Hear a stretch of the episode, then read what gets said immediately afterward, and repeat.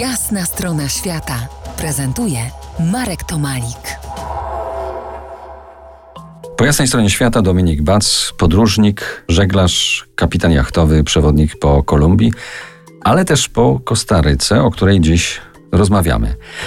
David Attenborough mówi, że pół wieku temu trzy czwarte Kostaryki to były lasy, 30 lat wstecz wycięto ich połowę, 20 lat temu zasadzono prawie tyle, ile wycięto. To jak na to popatrzymy i sobie to wyobrazimy, to jest to podręcznikowy przykład y, szybkich, radykalnych zmian, na początku na złe, a potem na dobre.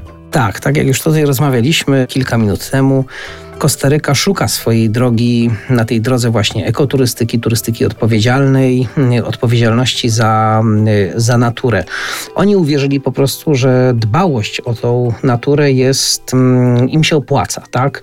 Turyści, którzy przyjeżdżają, nie tylko turyści, inwestorzy, tak? Głównie Amerykanie i Kanadyjczycy, dla których to jest taki pierwsza bezpieczna przystań w tym tropikalnym świecie, gdzie oni sobie kupują ziemię, kupują sobie domy wakacyjne, inwestują w hotele, w różne biznesy. Im się to po prostu opłaca i stąd rząd inwestuje w te programy rzeczywiście proekologiczne.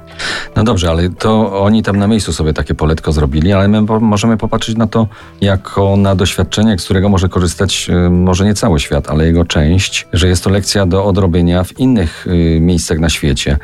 Tyle, że know-how to tylko jest początek bitwy. Z tego, co mówisz, wynika, że w Kostaryce to idzie jakoś y, gładko, jakby z mniejszym tarciem lobby przemysłowego. To, czyli ponowne zalesianie tego, co było wycięte. Mam przykłady z innych krajów, na przykład z Peru, że powołanie y, Parku Narodowego, właściwie geoparku, który Polacy robili, nie tak łatwo to szło. To, dlaczego w Kostaryce pewne rzeczy y, wychodzą, a w innych krajach może jest trudniej, wynika też z charakteru narodowego y, Kostarykańczyków. Oni uważają się i są zdecydowanie łagodniejsi od y, charakterem od innych latynosów. Tutaj znowu nasuwa mi się to porównanie z tymi, z tymi naszymi południowymi sąsiadami, z Czechami, prawda? My jesteśmy narodem y, raczej bardziej walecznym, skorym do bójki, do kłótni, prawda? Oni są spokojniejsi, oni potrafią między tymi dziejowymi burzami jakoś przetrwać w spokoju. I tak samo Kostarykańczycy, ich powiedzenie takie, takie codzienne, ich pozdrowienie właściwie, to jest pura vida. Pura vida oznacza po prostu prostu życie y, lub y, nieskażone, czyste życie, prawda? To jest takie powiedzenie, które towarzyszy im na co dzień, na dzień dobry, na do widzenia, sprawia, że oni są bardziej wyluzowani. Naprawdę, nawet w latynoskich realiach, które wydają się w ogóle nam, Polakom, bardzo wyluzowane, oni są jeszcze kilka poziomów y, luźniejsi.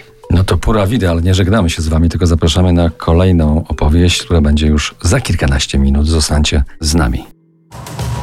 To jest jasna strona świata w RMS Classic.